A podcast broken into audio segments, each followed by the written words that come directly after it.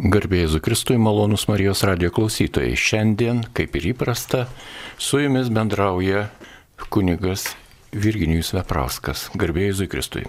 Ir panelė švenčiausiai taipogi. Malonus Marijos radio klausytojai, ketvirtadienės girdima laida aktualiai bažnytinės teisės klausimai atsakinėjome min, į mintis prie 1183 kanono. Jis turi tris paragrafus. Pirmasis. Laidotuvių atžvilgių katechumenai turi būti priskirti Kristaus tikintiesiems. Antrasis. Vietos ordinaras gali leisti, kad vaikams, kuriuos tėvai ketino pakrikštyti ir kurie mirė, prieš krikštą būtų suteiktos bažnytinės laidotuvės. Ir trečiasis - pakrikštytiesiems, kurie priklauso kitai nekatalikiškai bažnyčiai ir bažnytiniai bendruomeniai, išmintingų vietos ordinaro sprendimų gali būti suteiktos bažnytinės laidotuvės, jei nėra žinoma apie jų priešingą valią ir tik tada, jei negali dalyvauti savas tarnautojas. Mums pasiekė esame žinutė, prašom. Taigi e, klausytojas jau parašė. Ar galima sūnui namie leisti žaisti mišes? Paimti duonos, trupinėlių, palaiminti sultis, jas aukoti, dalinti komuniją žaisliukams, gyvūnėliams, sakyti pamokslą ir panašiai. O įdomu, kiek tam sūnui metų. Jeigu sūnui ten kokie virš 20 metų, tai tas sūnutis jau uzurpuoja kunigo pareigas. Jeigu ten 2, 3, 4, 5 metai, tai į sveikatą tegu žaidžia lėlytėmis, žaisliukais dalina. Matot, vaikas nuo pat gimimo gauna visą pilną neuronų krepšelį. Ir po to žmogaus smegenys viską atsigeni, išgeni. Tas, kuris gyvena Europoje, vienaip vystosi, tas, kur gyvena Afrikoje, kitaip vystosi. Ir dabar pabandykit vaikui uždrausti piešti, uždrausti iš plastelino lipdyti užtrau, uždrausti, reiškia, puzlę dėlioti arba ten mišes laikyti. Tai kažkokia nesąmonė, vėl prasidės draudimai. Jeigu jis vienas žaidžia, tegu žaidžia. Bet jeigu jis kieme vadovauja, ten kitus vaikus suklubdo per pakilėjimą, o pats, reiškia, rengiasi stulom ir arnotais, tai čia jau nebe žaidimas, čia jau yra išsidarkimas. Bet jeigu jam vienam tai patinka ir tai vaikas yra, ne ten suaugęs žmogus, kodėlgi ne tegul į sveikatą vaikai žaidžia kosmonautus, lenktynininkus automobilių, povandeninius narus arba e, parapufininkus kokius, čia jau jų reikalas. Tegul jie kur ką mato, kas patinka, tegul jie imituoja. Su dideliu malonumu. E, dar, dar prašau. Klausytojas rašo, neprisistatęs, ne, pasirašęs vis tik tais kestutis. Ačiū kestučiui. Mhm. Pirmuosius žmonės Dievas ištrėmė už nuodėmės, o jei danguje po mirtinėme vėl nusidėsime, tai ir vėl mus ištrems. Kur? O kaip jūs galvojate, kodėl mes pateksime į rojų? Rojuje tai mes buvom, bet patekti kestutį į rojų nebebus galimybės, nes pateksime į dangų. Čia taip, danguje žmonės nebuvo. Žmonės buvo rojuje. Ir iš ten ištremti, nes turėjo pasirinkti arba Dievą, arba nepasirinkti Dievo. Jie turėjo pasirinkimo teisę ir ištrėmė. Ir po to kai dabar jau pateksime į dangų, tai jau būsime šventi, nes Dievas jau išbandymą žmonijai siuntė rojuje. Danguje nebus, nebūsime bandomi. Dangus yra šventųjų bendruomenė. Ačiū kestutį už mintį. E, mums paskambino. Taip, mums prašom. paskambino Židrūnas iš Vilniaus. Gerbiamas Židrūnai, prašom užduokit klausimą garbė Ir amžius. E, norėjau paklausti apie ištoką. Jeigu esam ištokti valstybės, bet vis dar esame katalikiškoji, krikščioniškoji santokoji, tai e, koks dabar mūsų šio požiūrį yra statusas? Ir antras klausimas būtų, kaip išeiti iš tos e, katalikiškos krikščioniškos santokos, jeigu, tarkim, viena pusė nori, o kita pusė nenori. Ar yra kažkoks būdas? Ačiū, Žydrūnai. Ačiū. Dabar mes žiūrėkim taip. Bažnyčia yra bendruomenė. Tai ne organizacija, tai yra bendruomenė. Ši bendruomenė vadovaujasi savo teisynu. Ir tame teisinė yra septyni sakramentai, kurių tarpe yra sakramentas santuoka. Ir bažnyčia iškelia reikalavimus, kuriuos įvykdžius santuoka yra arba galiojanti, arba negaliojanti tarp vieno vyro ir vienos moters. Tarkim, nori sūnus vesti savo mamą. Ar tokia santoka gali būti pripažinta galiojanti? Žinoma, kad ne. Ten kraujomaiša ir tiesioji linija ir taip toliau.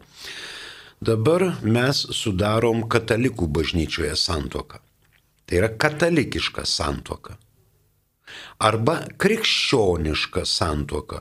O krikščioniškų santokų yra nebūtinai katalikiškos. Tai yra evangelikai, metodistai, baptistai ir, ir kiti, kiti, kiti. Mes čia kalbame apie katalikišką santuoką. Paprastai sudaroma katalikiška santuoka ir bažnyčioje, ir valstybinėme lygmenyje valstybinėme lygmenyje santuoka yra nutraukiama. Dėl valstybei pateikto pareiškimų ir ten įrodymų. Nesutapo charakteriai, ten gėrė, mušėsi, paleistuvavo ir kiti dalykai. Bažnyčia nenutraukinėja santuokos. Bažnyčia tik tai skelbia, kad nuo pat santokos sudarimo pradžios šita santoka jau buvo negaliojanti. Nelygų kiek jinai truko - metus, penkis metus, dešimt, penkiolika.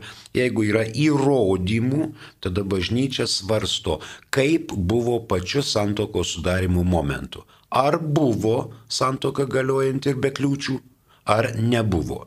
Jeigu santoka buvo sudaryta negaliojančiai ir su kliūtimis, bažnyčia ją skelbia negaliojančią. Dabar kaip jums pasielgti, jeigu valstybė jūsų santoką nutraukė? Yra variantas, kai jūs einate pas savo kleboną ir prašote, kad būtų jūsų santuoka paskelbta negaliojančia. Tada reikia rašyti bažnyčiai prašymą.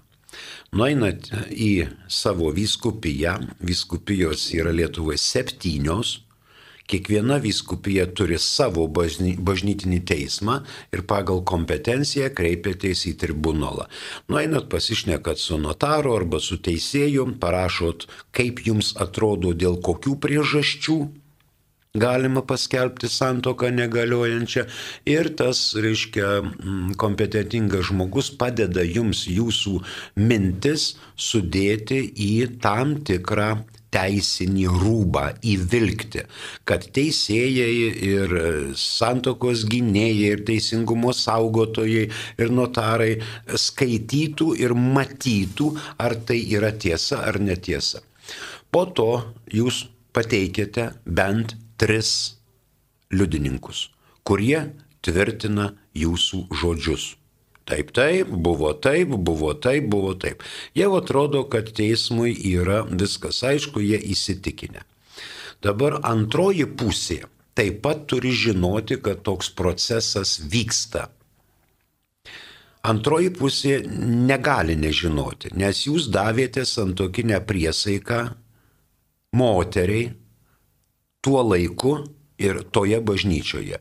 Ir jinai gali sakyti tokius tris dalykus, kai jinai bus pakviesta į teismą. Jie gali mesti šitą pakvietimą į teismą į pirmą pasitaikiusią šiukšlių dėžę ir sakyti, aš nieko nenoriu su bažnyčia žinoti, jinai man jau neegzistuoja, aš čia padariau klaidą, nepadariau klaidos, vad jos problemos tokios. Išmeta.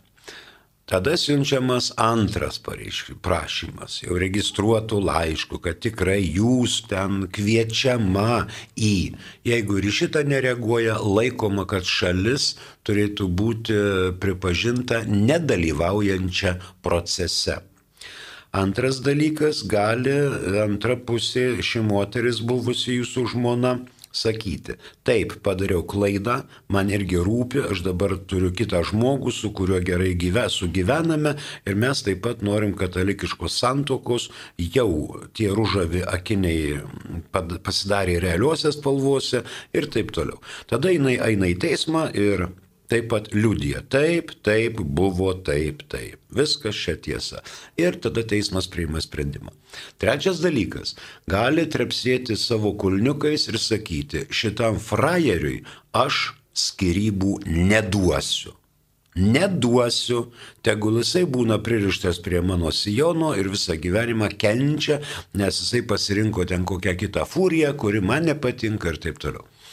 Bažnytinis teismas neatsižvelgia, duosi tu skirybas, ar tu skirybų neduosi, į šitą nekreipia dėmesio. Teismas paruošia klausimus ir jeigu ateini į tuos klausimus atsakinėjai, o savo nuomonę pasilieki savo, nes sprendžia ne liudytojai, o pats teismas. Man atrodo, Žilvinai, aš žydrūnai galėčiau sakyti, kad į jūsų mintį atsakau. Tik tai ieškokite žmogaus, kuris jums padėtų, kompetentingo žmogaus, kuris jums padėtų parašyti motivuotą ir argumentuotą prašymą. E, mus pasiekėsime žinutė, prašom. Klausytojas dėja nepasirašęs, bet klausia. Taip. Žmonų sesė klauso šetonišką muziką, taip pat ir keikėsi skliausteliuose. Apie tai aš sužinojau tik po santokos. Žmonos tėvas su nostalgija prisimena Sovietų sąjungą. Kaip manan, man būnant katalikui, bendrauti su žmonos artimaisiais, galbūt turėčiau vengti bendravimo su jais. Ačiū už klausimą.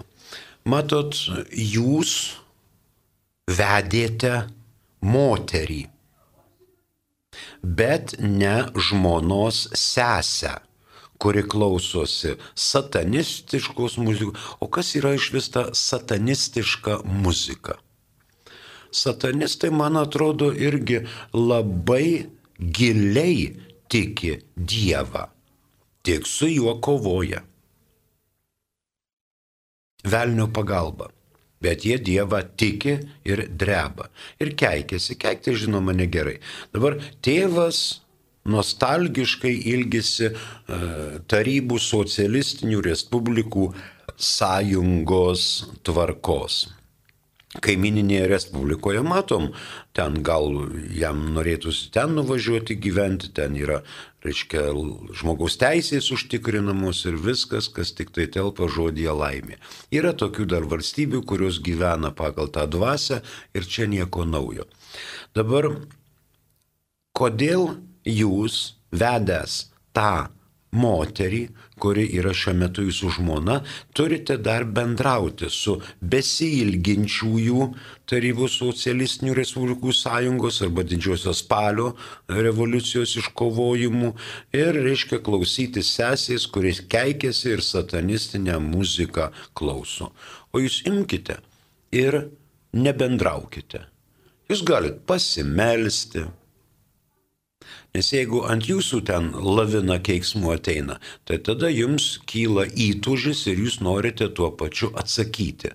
O palaimintote Matulaičio Jurgio e, šūkis buvo nugalėk blogį gerumu. Pabandykite. Pabandykite šaukti šito šventojo arkivyskupo ir nugalėti blogį gerumu. Jeigu reikia, galite daryti pertrauką bendravimuose. Bet visuomet bendraukite su meile, su vidinė meile, kurios jūs tikrai turite į valias. Ačiū. Dar mus pasiekia žinutė, prašom. Ar katalikų bažnyčia, Kunigai turi teisę gydyti kūno lygas, psichologinės lygas, socialinės lygas. Teisę gydyti turi. Turi, kadangi šventimų gale jom, jiems yra suteikta gale gydyti. Gydyti. Kokias lygas kunigai patys gali rinktis? Gydyti suteikta šventimų gale kiekvienam kunigui. Ir kunigas labai dažnai deda rankas žmogui ant galvos ir meldžiasi. Ir prašo, kad ateitų Dievo malonė. Nes bet kokia lyga, tiek fizinė, tiek dvasinė, tiek psichinė yra kylanti iš gimtosios nuodėmės. O kunigas yra pašvestas asmuo, kuris meldžiasi ir kuris gražina arba stengiasi gražinti žmogaus pirminę būklę iki nupuolimo. Ir tam pasitarnauja gydimas. Jėzus irgi gydė. Ir kunigas turi teisę ir pareigą gydyti. Ypatingai sakramentalijomis, nėra jokios garantijos, nes čia Dievas veikia šventą dvasę, o šventa dvasia pučia kaip vėjas, kur nori. Kartais gydo, kartais negydo, bet pareiga kunigas gydyti turi ir dėti rankas ant žmogaus ir melstis. Mus pasiekė e, telefono skambutis, prašau. Taip, mūsų laukia Alvydas iš Kauno, taigi Alvydai, ačiū, kad palaukite, užduokite savo klausimą. Mhm dingo jau. Ne, gal. Alvydai, ar jūs dar girdite mus? Ne, dingo, nebėra. Na ką padarysi? Primenu, kad e, ketvirtadieniais girdima laida aktualieji bažnytinės teisės klausimai. Laida prasideda 17.20 ir baigėsi maždaug 18 val. Mūsų telefono numeris Kaune 32 32 30 Kauno kodas 837. Trumpųjų žinučių telefonų numeris yra kitas 865 049 107. Prašom, galite klausti. O mes toliau kalbame apie 1183 kanoną. Dar žinutė atėjo, pabandykime atsakyti. Prašom. Taigi dar viena žinutė ir dėkojame Jums, radio klausytojai, kad rašote žinutės ir skambinate. Taip. Taigi bažnyčios bendruomenėse dominuoja nelaimingi žmonės, taip teigia nepasirašęs klausytojas. Ypač daug pavydo, nesveiko lenktyniavimo ir baimės, kad kiti žmonės yra gabesni ar kažkuo pranašesni. Tai labai nesveika. Ir tokia atmosfera sunki. Deja, apie tai mažai kalbama. Klausimo nėra. Nebent norėtumėte pakomentuoti šią mintį. Sakot, nelaimingi žmonės. E, na, nelaimingi.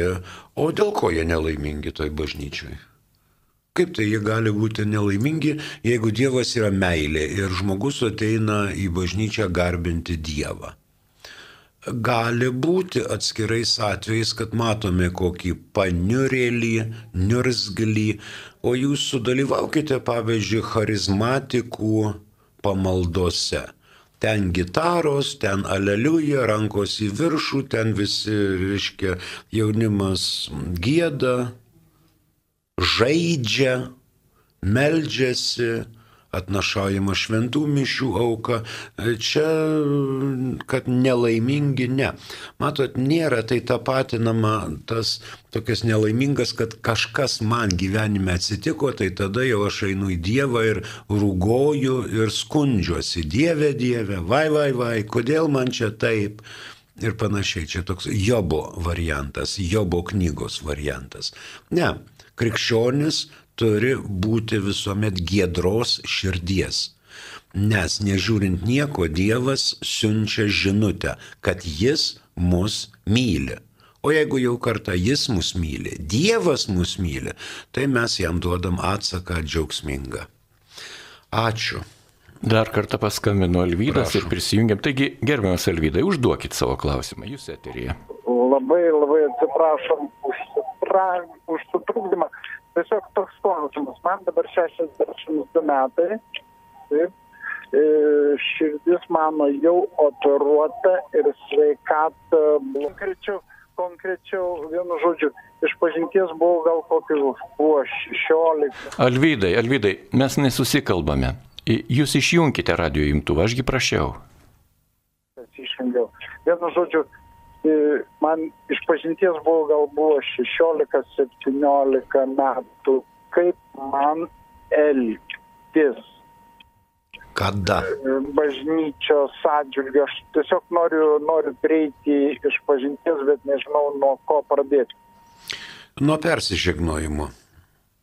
Reikia pamatyti klausyklą ir toje klausykloje sėdinti nuodėmklausį, reiškia kunigą, su stula, su kamža, su sutana arba su abitu, kuris klauso iš pažinčių. Prie tuščios klausyklos neikite. Tuščiai klausykloje nėra žmogaus, kuris būtų gavęs šventimus ir galėtų jūs sutaikinti su Dievu ir su bažnyčia. Tai nueikit iš pažinties, atsiklaupėte, persižegnuojate pasakote. Man 63 buvau iš pažinties paskutinį kartą, kai buvau maždaug 16. Atgailą atlikau, švenčiausią sakramentą priėmiau, o po to buvo gyvenimo teikmė tokia, kad aš neturėjau jėgų nueiti iš pažinties. Neturėjau jėgų. Kunigė neprisimenu nei vienos nuodėmės, nu, tėvelio neklausiau, mamytės neklausiau, gal dar katiną už ūsų tampiau arba paėmę šiaudą varliai kažką įpučiau ten ar, ar, ar dar kas nors tokio. Daug aš nuodėmų nema. Tu kunigė šnektelėk, man primink. Tada kunigėlis gali su jumis priminti. Tik tai neikit per kokias kalėdas, Velykas, kada jau stumdomos klausyklos žmonių eilės. Pasirinkite paprasčiausiai kokį tai vakarą. Va, jeigu kaune gyvenate, į katedrą nueikit. Ten labai rimti kunigai, parinkti jau katedroje ir galima nueiti šnektelėti. Jau nusiteikite prieš tai paskaityti dešimt dievų įsakymų, penkis bažnyčios įsakymus, septynis sakramentus, ten septynias didžiasias nuodėmės pasižiūrėti, kokios jos yra, gal jūs pataikysite savo ir panašiai ir panašiai. Nueikit. Nes išpažintis yra skiriama ne šventam žmogui, bet išpažintis yra skiriama nuodėmingam žmogui tam, kad Jėzaus kančios nuopelnų dėka jums būtų nuodėmės nuplautos. Svarbiausia reikia nebijoti. Jūs galite sakyti, aš dabar nerandu ir nematau tinkamo kunigo, kuris mane suprastų. Ir nerasit. Tokio nebus. Toks dar negimė. Bet jūs susikaupėte ir nueinate pas kunigą, kuris jums padeda susitikti su Dievu ir atlikit išpažinti. Manau, sekmadienis ateinantis būtų labai gera jums proga tą padaryti. Ačiū. E, mums dar SMS, prašom. Rūta rašo, norėtume paklausti dėl santokos su stačiatikiu. Taip.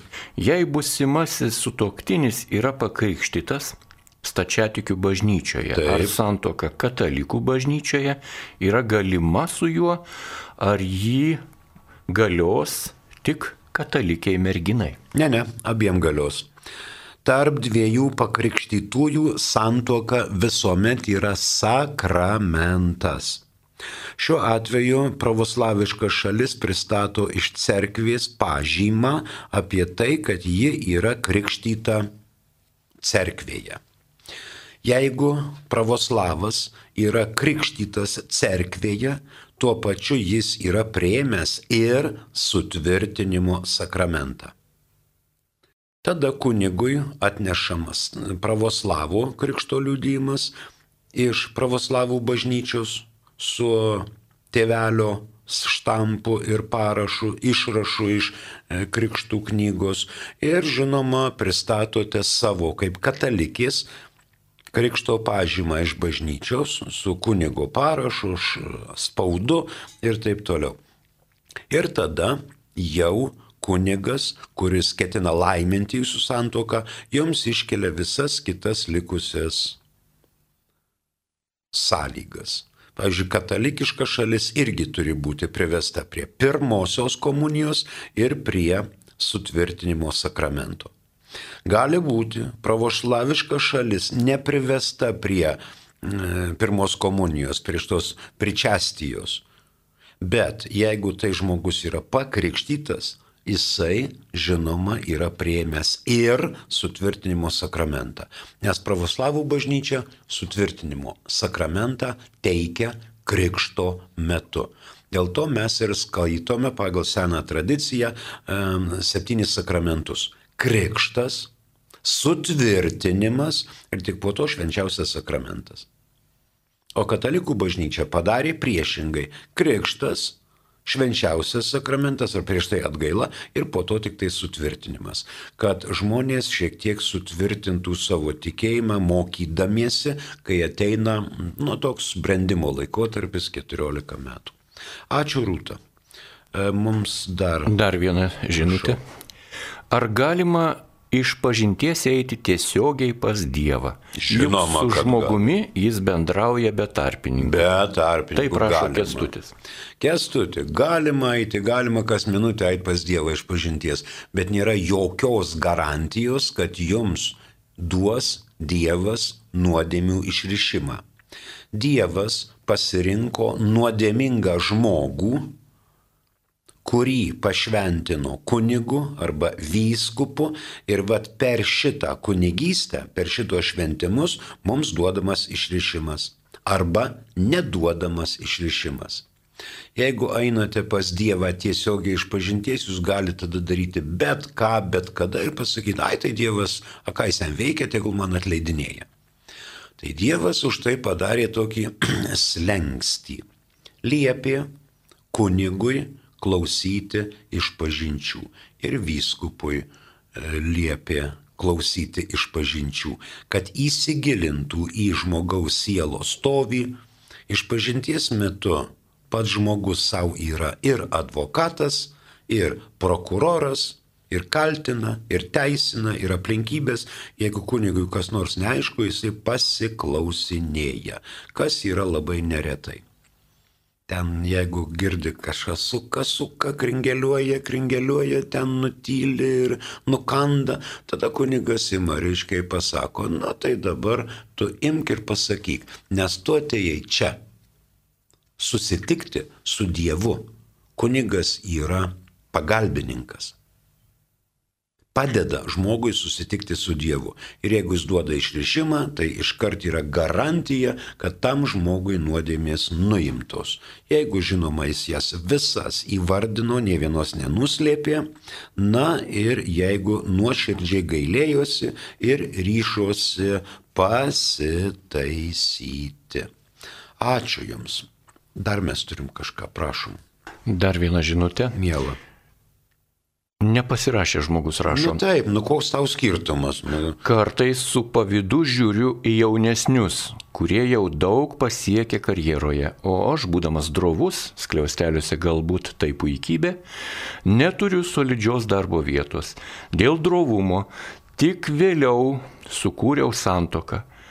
Kaip nesigręžti atgal ir nesigailėti? Kad galėjau viską padaryti jau anksčiau ir geriau.